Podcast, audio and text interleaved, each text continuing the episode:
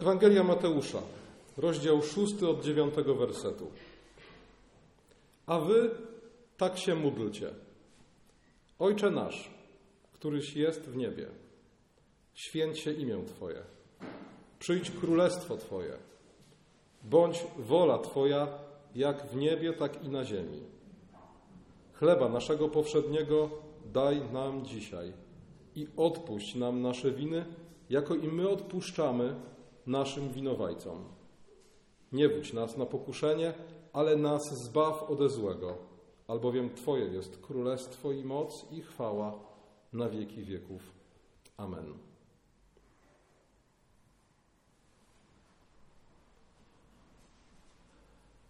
Trzeba umieć się modlić. Często nie umiemy się modlić. Często nie wiemy, jak się modlić. Często źle się modlimy. Mówi o tym Jakub w swoim liście. W czwartym rozdziale, w trzecim wersecie mówi: Modlicie się, a nie otrzymujecie.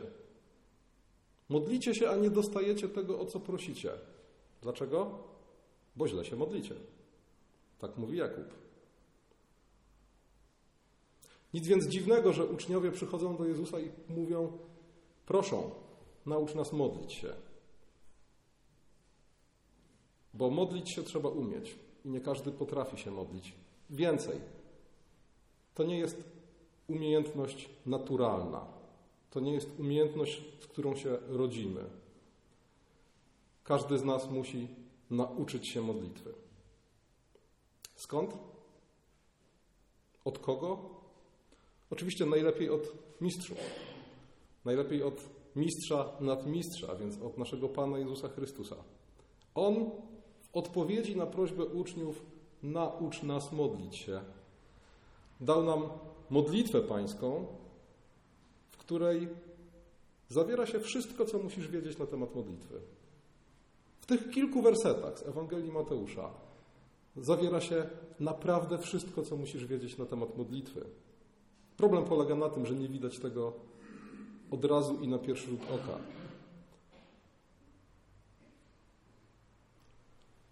Luter, pisząc o modlitwie pańskiej, napisał, że w siedmiu prośbach modlitwy pańskiej ukryte jest całe bogactwo naszych modlitw.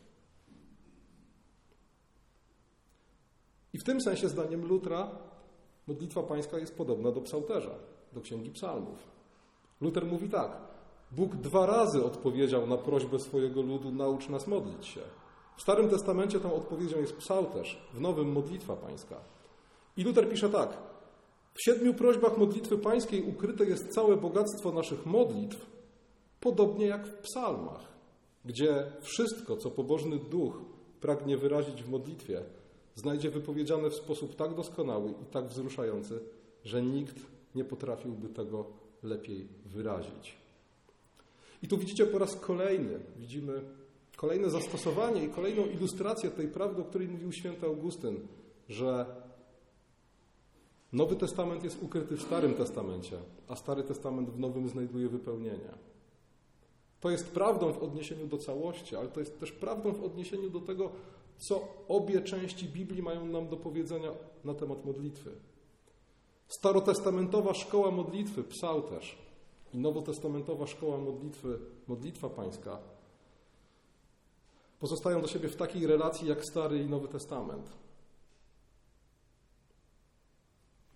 W modlitwie pańskiej ukryty jest cały psałterz. W modlitwie pańskiej cały psałterz znajduje swoje wypełnienie.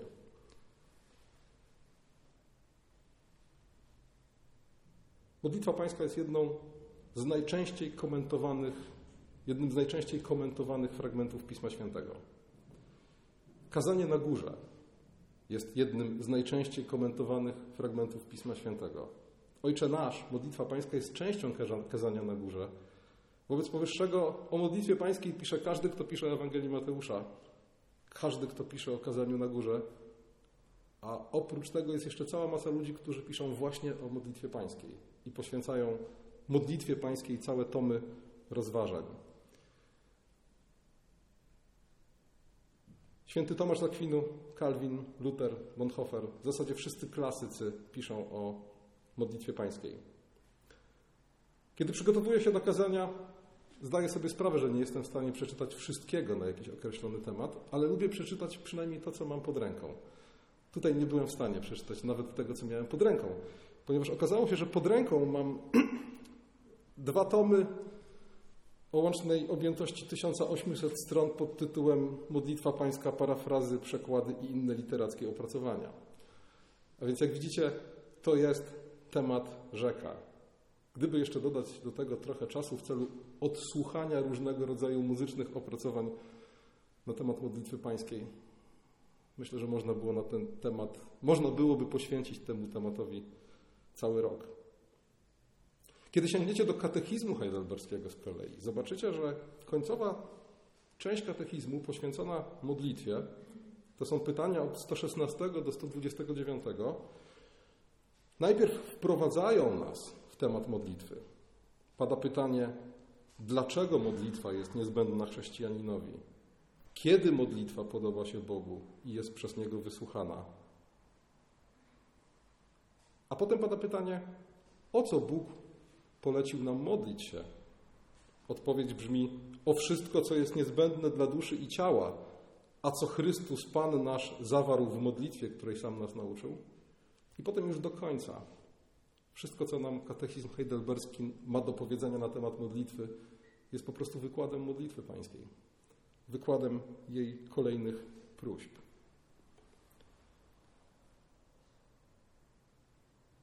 Każda z próśb modlitwy pańskiej to jest temat na osobne kazanie. A w zasadzie, zanim doszedłbym do próśb, to pewnie jedno kazanie poświęciłbym na jedno słowo: Ojcze. Całe kazanie można opowiedzieć na temat tego, dlaczego w modlitwie mamy zwracać się do Boga właśnie w ten sposób. Drugie kazanie można byłoby poświęcić słowu nasz. Dlaczego, kiedy zwracam się do Ojca, mam używać liczby mnogiej, nie w imieniu własnym, a w imieniu jakiejś większej całości występując. I wreszcie, który jesteś w niebie? To też temat na osobne kazanie, bo to ma znaczenie, że Bóg, do którego się zwracamy, jest w niebie. I dopiero potem w zasadzie można byłoby przejść do próśb modlitwy pańskiej.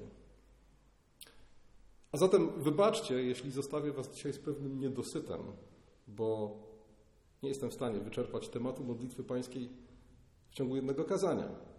Zresztą, jeśli w modlitwie pańskiej ukrywa się wszystko, co powinniśmy wiedzieć na temat modlitwy, to nic dziwnego, że w trakcie jednego kazania nie jesteśmy w stanie o wszystkim powiedzieć.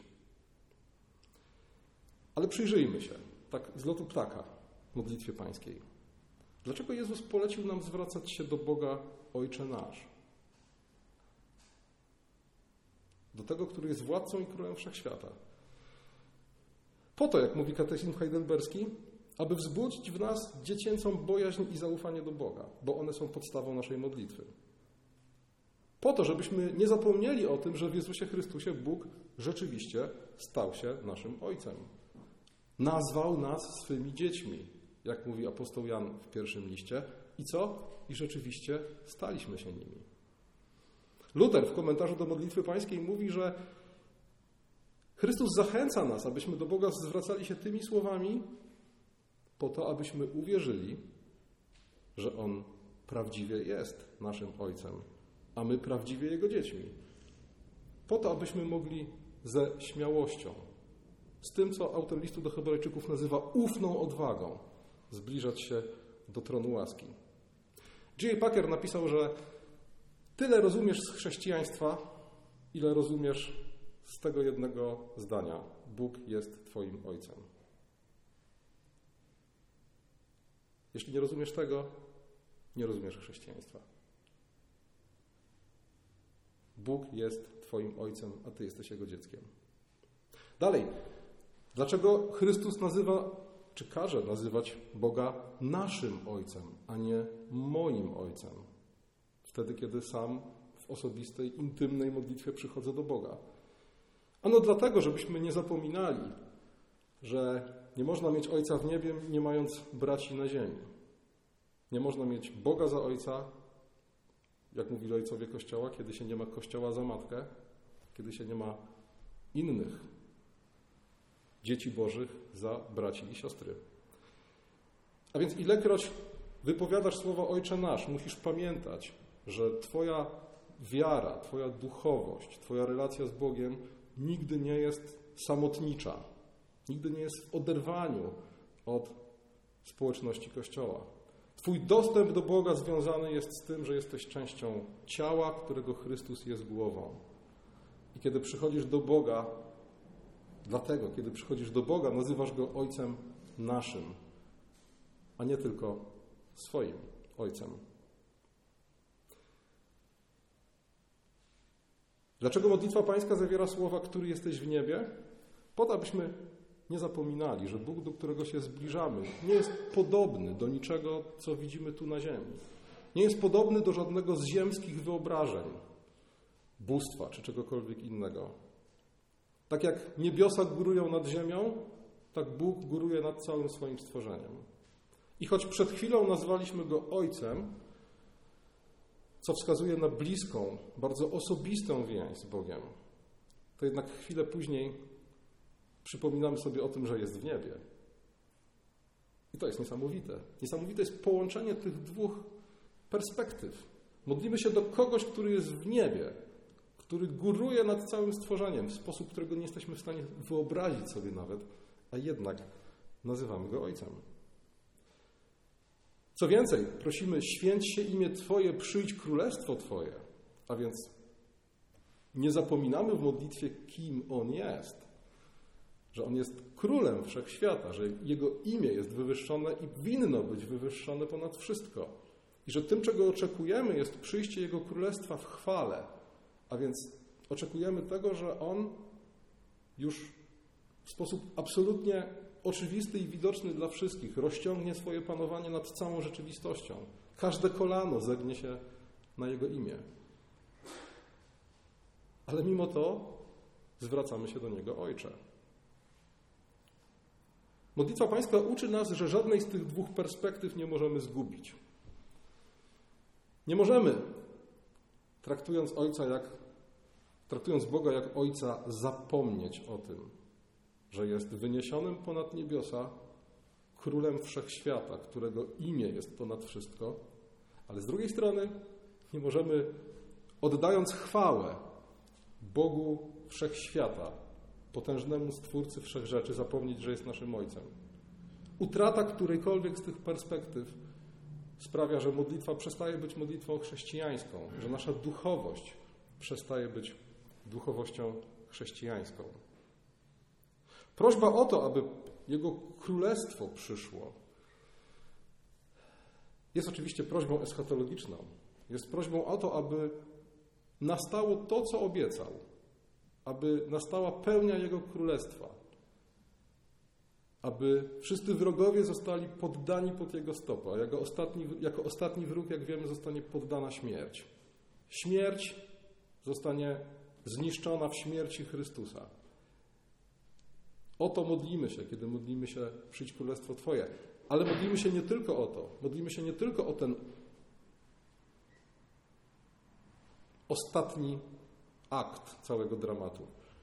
Modlimy się o to, aby zanim Chrystus powtórnie przyjdzie w chwale, Jego królestwo przychodziło każdego dnia.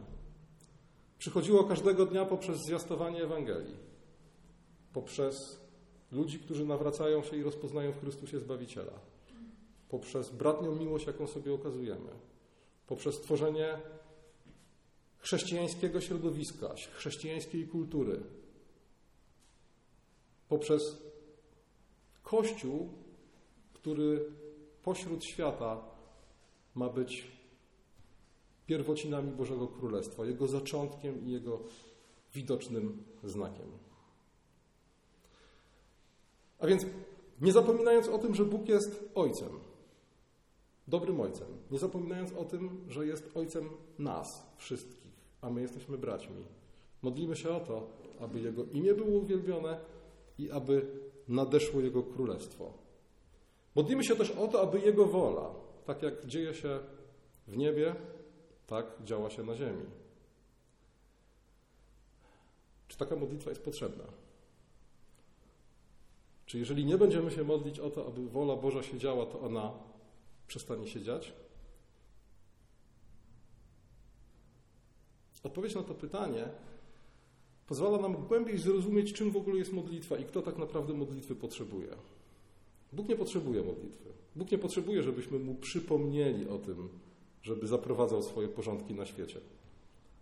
Bóg nie potrzebuje, żebyśmy mu przypominali o tym, że by swoje królestwo tutaj na ziemi zainstalował i umocnił. On o tym pamięta. On to wszystko we właściwym czasie i we właściwy sposób uczyni. Modlitwa bądź wola Twoja, tak w niebie, jak i na ziemi, jest potrzebna nam.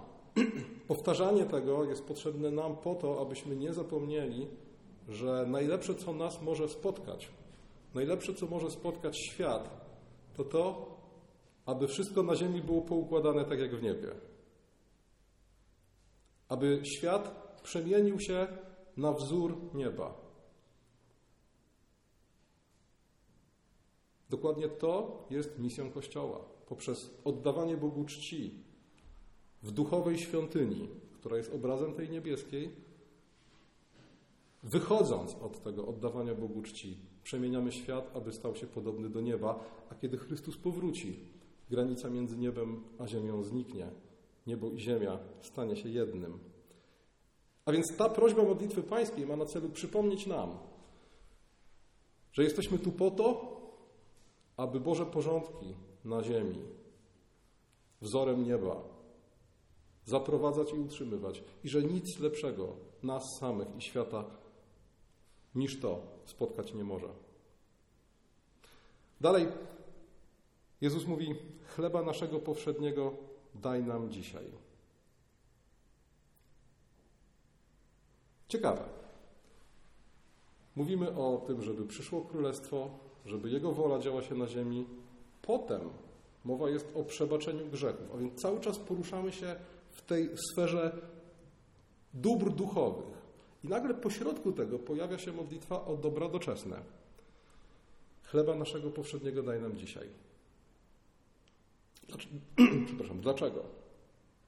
Otóż może niekoniecznie i nie tylko w tej prośbie mowa jest o dobrach doczesnych.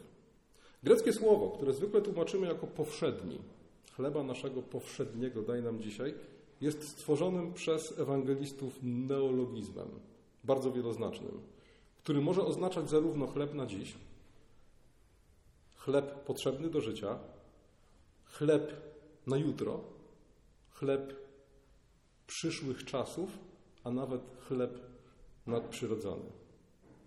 I teraz o czym mógł pomyśleć? Jakie skojarzenie mógł mieć Żyd, który usłyszał Jezusa mówiącego: Chleba naszego nadprzyrodzonego daj nam dzisiaj. Mógł mieć tylko jedno skojarzenie: manna z nieba. Mówiłem o tym jakiś czas temu, ale dokładnie tego oczekiwali Żydzi po Mesjaszu. Tego, że jak przyjdzie Mesjasz, będzie manna z nieba. Co ciekawe, słuchajcie, w tym samym rozdziale szóstym Ewangelii Mateusza Jezus mówi: Nie troszczcie się o to, co będziecie jeść i co będziecie pić. A więc wydaje się, że to nie ten spożywany na co dzień chleb jest głównym tematem czwartej prośby modlitwy pańskiej. To nie znaczy, że w ogóle go tutaj nie ma. Pamiętajcie, to jest poezja. Całe kazanie na górze jest poezją. Ojcze nasz jest poezją. I właśnie dzięki tej poetyckiej niejednoznaczności czwarta prośba modlitwy pańskiej jest jednocześnie modlitwą o codzienny chleb i wołaniem o to, aby Bóg pozwolił swojemu ludowi już dziś zakosztować pokarmu przyszłego wieku, która jest nową manną z nieba i owocem z drzewa życia. I w tym kontekście Jezus mówi o sobie: Ja jestem chlebem życia.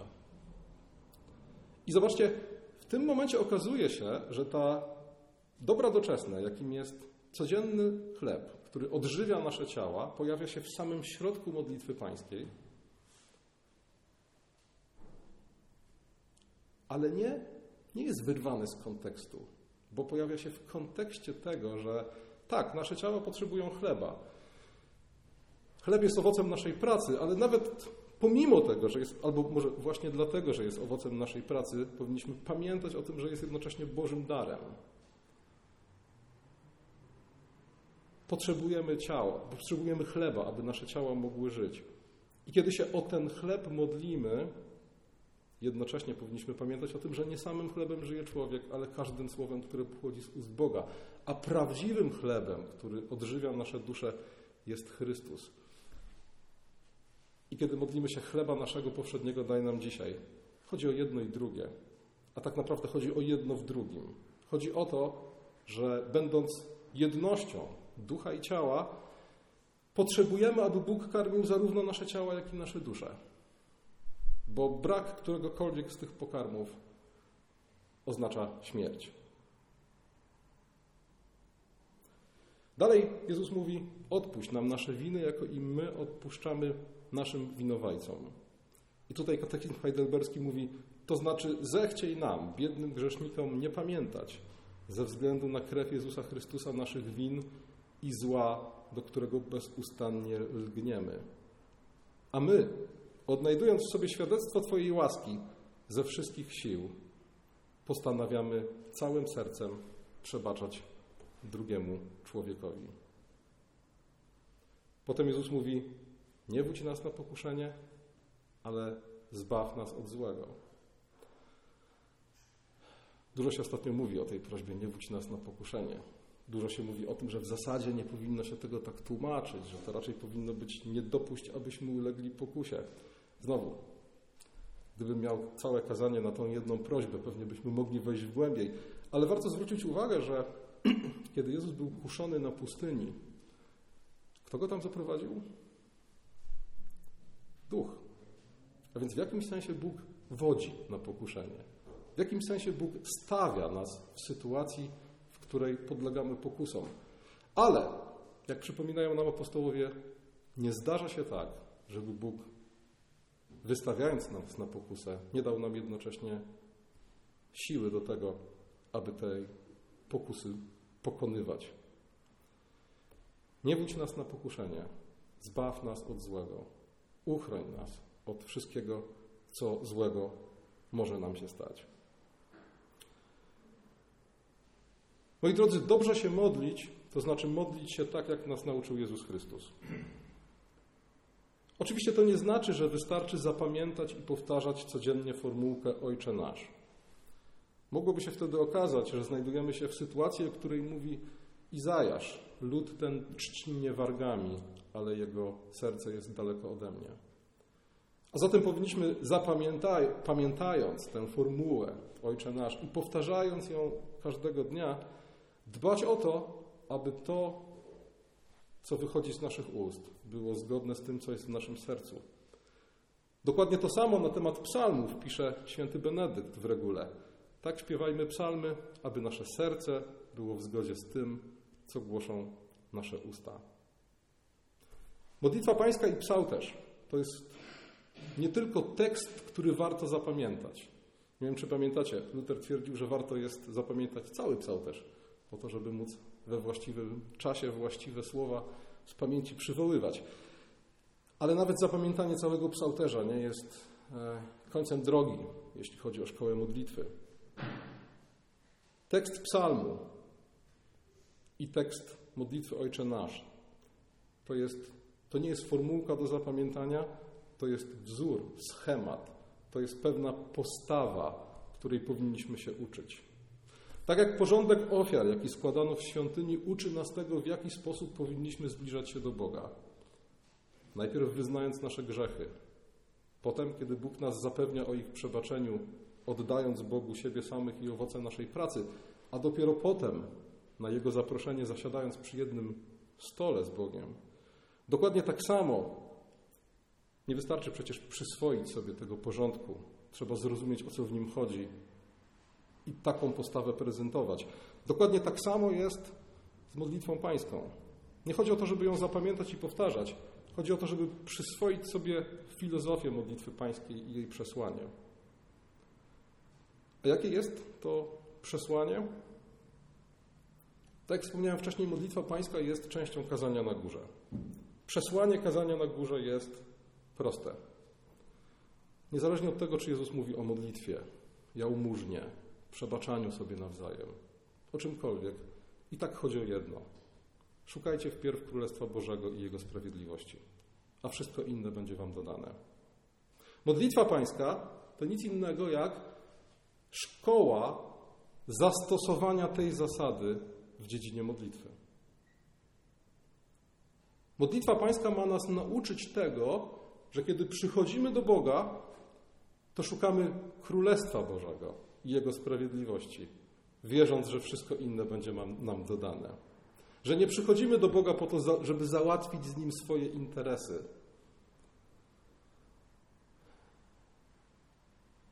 Przychodzimy po to i dlatego, że szukamy Królestwa Bożego. Wspominałem już o Jakubie, który mówi: Modlicie się, a nie otrzymujecie, bo źle się modlicie. Jakub wyjaśnia, o co chodzi. Cały werset trzeci brzmi tak: Modlicie się, a nie otrzymujecie, bo źle się modlicie, starając się jedynie o zaspokojenie swoich rządz. Czyli na czym polega zła modlitwa według Jakuba? No właśnie na tym. Przychodzę do Boga załatwić swoje interesy. Przychodzę do Boga, żeby dostać to, czego potrzebuję. Oczywiście nie ma nic złego w tym, że przychodzę do Boga prosić Go o to, czego potrzebuję. Bóg nas do tego wielokrotnie zachęca. Udawanie przed Bogiem, że nie potrzebuję Go i na zasadzie fałszywej, nie wiem czego, skromności czy pobożności, powstrzymywanie się w modlitwie przed prośbami jest oczywiście głupie. Prościa będzie Wam dane. To jest jasne, że przychodzimy do Boga prosić o to, czego potrzebujemy. Ale znowu, postawa i kolejność. Czy przychodzisz do Boga przede wszystkim i tylko po to, żeby dostać to, czego potrzebujesz? Czy też przychodzisz do Boga w modlitwie, szukając Królestwa Bożego, mając pewność wynikającą z Bożych obietnic, że wszystko inne będzie Ci dodane? Święty Tomasz Akwinu napisał kiedyś: Rzeczy ziemskie powinny Ci służyć Rzeczy niebieskie powinny być obiektem Twoich pragnień. Z natury jest odwrotnie. Z natury jest tak, że pragniemy rzeczy ziemskich. Chcemy się dobrze urządzić,